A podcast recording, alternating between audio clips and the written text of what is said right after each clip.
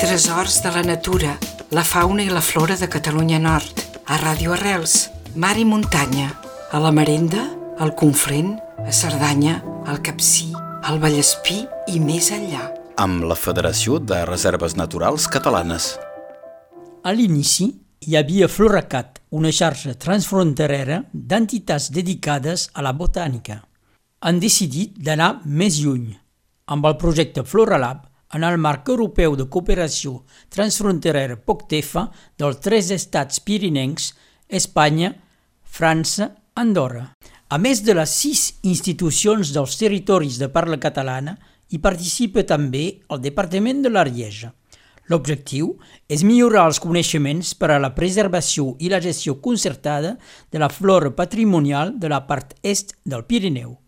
L'Institució Catalana d'Història Natural és actora del projecte. La Institució Catalana d'Història Natural ja té 121 anys. Xavier Oliver és president de la delegació de la Garrotxa de l'Institució Catalana d'Història Natural. I han passat per ella eh, doncs, molts naturalistes catalans i s'han fet molts estudis, molta, molta recerca, moltes activitats de divulgació, també conservació.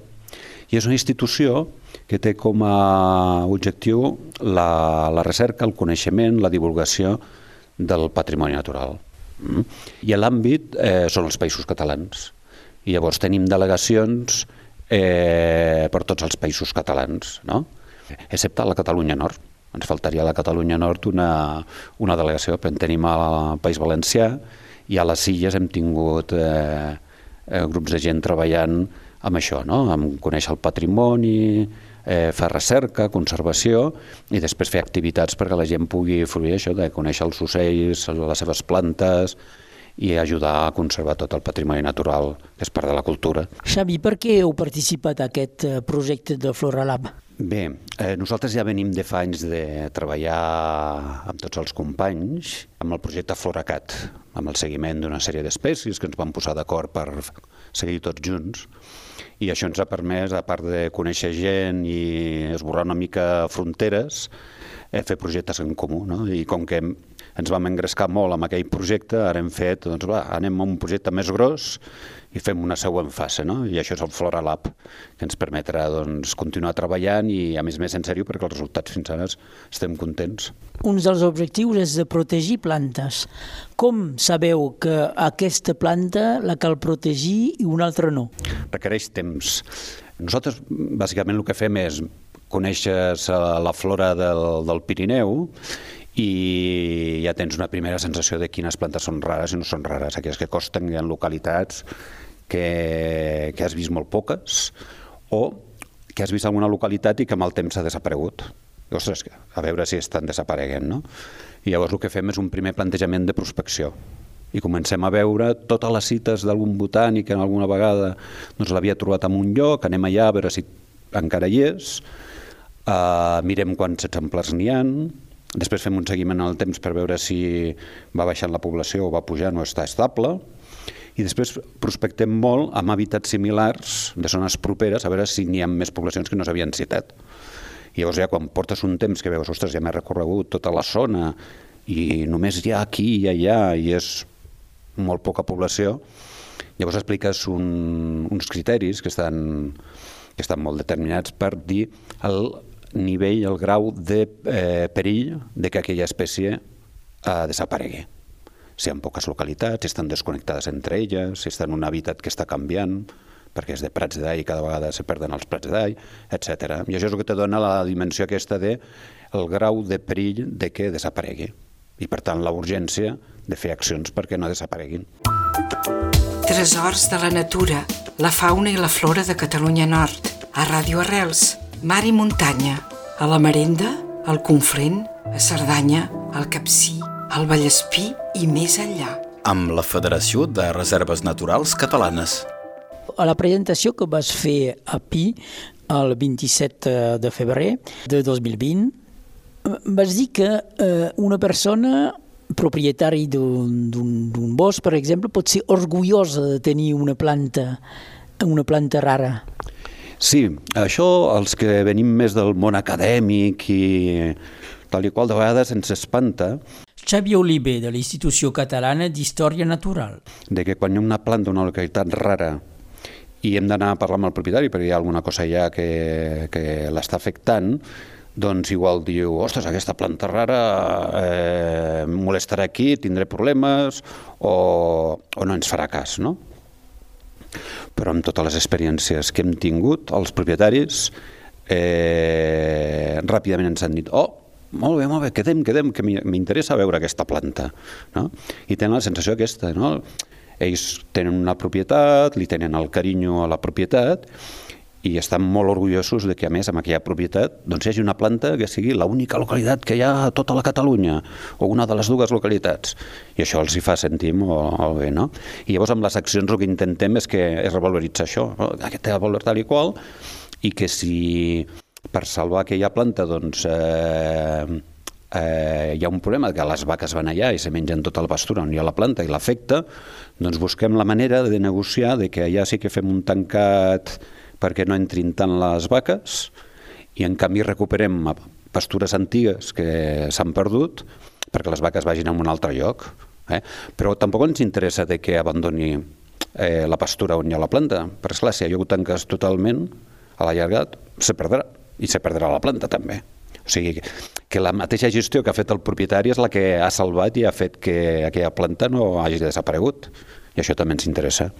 Penseu que els ramaders eh, d'abans en sabien més que els ramaders d'avui sobre les plantes i sobre les que calien protegir? És que tenien aquesta consciència fa anys?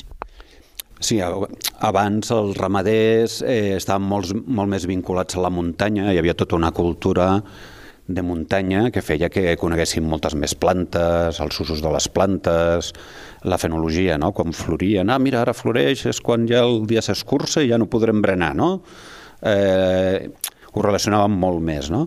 Esclar, ara la ramaderia sí que queden alguns ramaders que encara tenen aquest vincle eh, tan fort amb la muntanya i, i, i han retingut tota aquesta cultura que s'ha anat eh, passant de, de pares a fills, però després també hi ha eh, en alguns sectors doncs, ramaders que bueno, tenen el bestió a muntanya, le van controlant, pugen en moto per controlar-ho de tant en tant, però el jovent es va desvinculant una mica de, de tota aquesta tradició, aquesta cultura de coneixement del territori, etc. No? Sí que veia aquest canvi. Com científic, quin és el vostre paper de cara al gran públic? Bé, eh, una part de les accions que fem, a part d'aquestes que comentem de prospectar eh, poblacions per veure si estan amenaçades i aquelles que són amenaçades fem el seguiment per veure si la població baixa o està estable i accions de conservació, hi ha una quarta línia que treballem amb aquest programa que és el de eh, que tot això arribi al gran públic, que el gran públic vegi que la muntanya, a part de ser bonica i que s'ha de cuidar el paisatge, hi ha tota una sèrie d'organismes, entre ells plantes i animals, que quan mirem el paisatge tu no els veus, però que també s'han de cuidar i conservar. No? I aquest pas és, és important que ho entenguin i que moltes vegades hi ha accions que no som conscients que perjudiquen la flora i la fauna i per tant eh, els hem de sensibilitzar perquè, perquè això no passi, no? L'inventari eh, ens dona 178 eh, plantes per protegir. Per mi no em diu res. Representa molt per al Pirineu? 178 plantes pel Pirineu vol dir que són plantes que deuen tenir una, dues, tres, quatre localitats només i pocs exemplars. Mm? Llavors, clar, això depèn si estan en una carena de muntanya que no va ningú i no hi ha cap problema, o si estan en un prat i hi ha una afectació. Eh? Però inclús les de, que estan en una carena, totes aquestes plantes que s'han arrecerat en una carena, és perquè els agrada un clima molt fred i determinat que en tot el tema de canvi climàtic i l'estabilització d'anticiclons, alta muntanya, que s'asseca molt i no hi ha humitat atmosfèrica, són les primeres que rebran amb el canvi. Per tant, o sigui, 180 eh, espècies eh, vol dir que tenim molta feina per intentar que no desapareguin. Una qüestió molt personal. Hi ha plantes que estimeu més que d'altres? Sempre tens més carinyo per una planta o per una altra, no? Perquè o per tu és més maca o perquè portes 20 anys fent un seguiment d'aquella planta i altres no, no? I al final ja tens un vincle, un vincle amb aquella planta, a veure si està bé, ostres, que li ha passat aquest any, que la trobes més seca, que no sé què, eh? Però bueno. Xavier Olivier, moltes gràcies. De res, a vosaltres per la feina que feu. Xavier Oliver és president de la delegació de la Garrotxa de l'Institució Catalana d'Història Natural, entitat que participa a Floralab, una iniciativa per millorar els coneixements, protegir i gestionar la flora patrimonial de l'est pirinenc. Tresors de la natura, la fauna i la flora de Catalunya Nord, a Ràdio Arrels, mar i muntanya, a la Marenda, al Conflent, a Cerdanya, al Capcí, al Vallespí i més enllà. Amb la Federació de Reserves Naturals Catalanes.